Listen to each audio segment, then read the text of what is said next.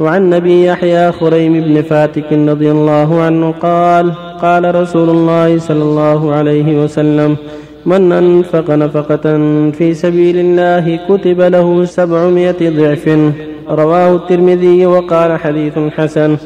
وعن ابي سعيد الخدري رضي الله عنه قال قال رسول الله صلى الله عليه وسلم ما من عبد يصوم يوما في سبيل الله إلا باعد الله بذلك اليوم وجهه عن النار سبعين خريفا.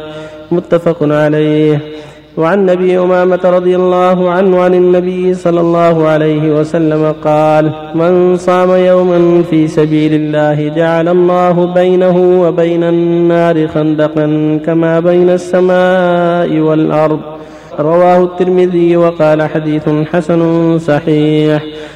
وعن أبي أمامة رضي الله عنه عن النبي صلى الله عليه وسلم قال من صام يوما في سبيل الله جعل الله بينه وبين النار خندقا كما بين السماء والأرض رواه الترمذي وقال حديث حسن صحيح. وعن أبي هريرة رضي الله عنه قال قال رسول الله صلى الله عليه وسلم من مات ولم يغزو ولم يحدث نفسه بغزو مات على شعبة من النفاق. رواه مسلم. وبالله التوفيق صلى الله الحمد لله وصلى الله وسلم على رسول الله وعلى آله وأصحابه ومن اهتدى بهدى أما بعد هذه الأحاديث الأربعة فيها بيان فضل الجهاد في سبيل الله والنفقة في سبيل الله تقدم في ذلك. آيات وأحاديث عدة كلها دالة على فضل الجهاد في سبيل الله والإعداد له. وأنه ينبغي لأهل الإيمان أن يعدوا له وأن يحرصوا على إقامته حسب الطاقة. لأن به ينصر دين الله وبه ينتشر الإسلام وبه يقمع أهل الشرك والكفر. فهو طريق الجنة وطريق السعادة وطريق عز الإسلام وظهوره واندحار الشرك. وذل أهله. ولهذا قال سبحانه انفروا خفافا وثقالا وجاهدوا بأموالكم وأنفسكم سبيل الله. ذلكم خير لكم إن كنتم تعلمون. قال جل وعلا وقاتلهم حتى لا تكون فتنة ويكون الدين كله لله. فالمؤمن ينتهز الفرصة.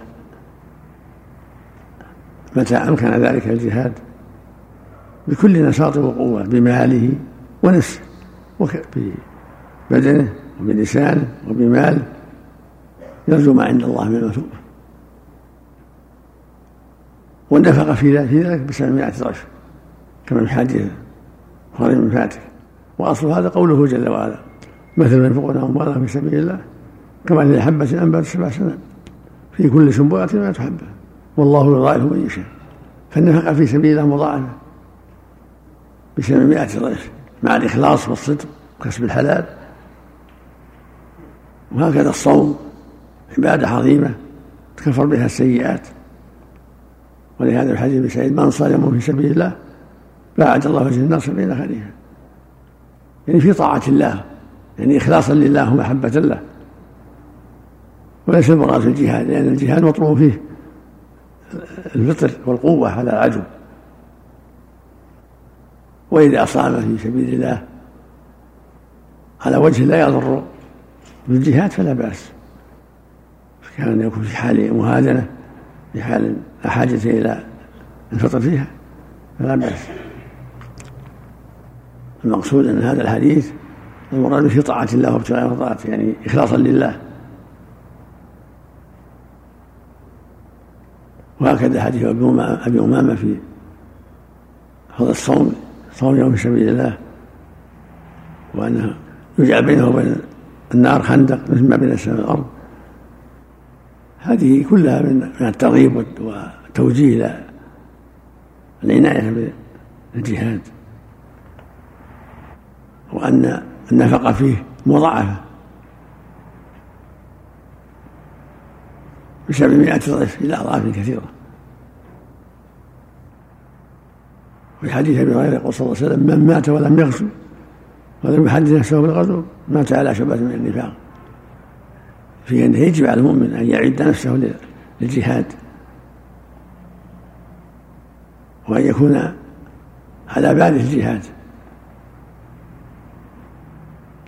فمن لم يغزو ولم يحدث نفسه بذلك مات على شبهة من النفاق. فالمعنى أن يكون على باله وعلى قصده حتى يعد له مدته وفق الله الجميع صحة حديث أبي إمام. يحتاج مراجعة. الترمذي نعم. مراجعة. عليك عندك عليه حاشية؟ وله شاهد من حديث ابي الدرداء واخر من حديث ابن جابر كلاهما في المعجم الاوسط للطبراني فهو صحيح بهما. بس يعني بغيره. لكن يحتاج إلى مراجعة السنين نعم. ولكن حديث صام من سبيل الله فعد الله إلى سبعين خريفا أعظم وأعظم. الله أكبر. مجرد النية آه، يدخل في التحديث يدخل في تحديث النفس الجهاد. نعم. وذلك. إيه. وش فيه؟ آه، تحديث نفسه في الجهاد يعني ينوي ذلك. ينوي أنه لو آه، أن كان هناك جهاد نعم هذا معنى.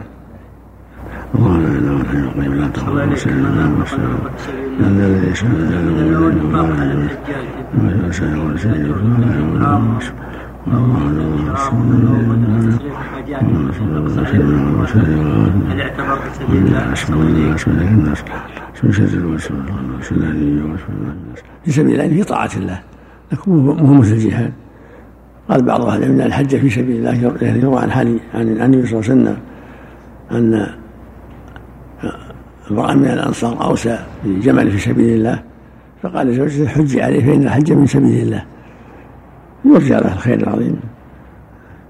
كذلك لو يزوده مثلا ببعض الكتيبات أو الاشرطه النافعه يشمل هذا صلى الله إليك؟ نعم. يرجى يرجى في الخير لأنه من باب البلاغ من باب التبليغ. الشريط والخطبة والمكاتبة كلها تبليغ.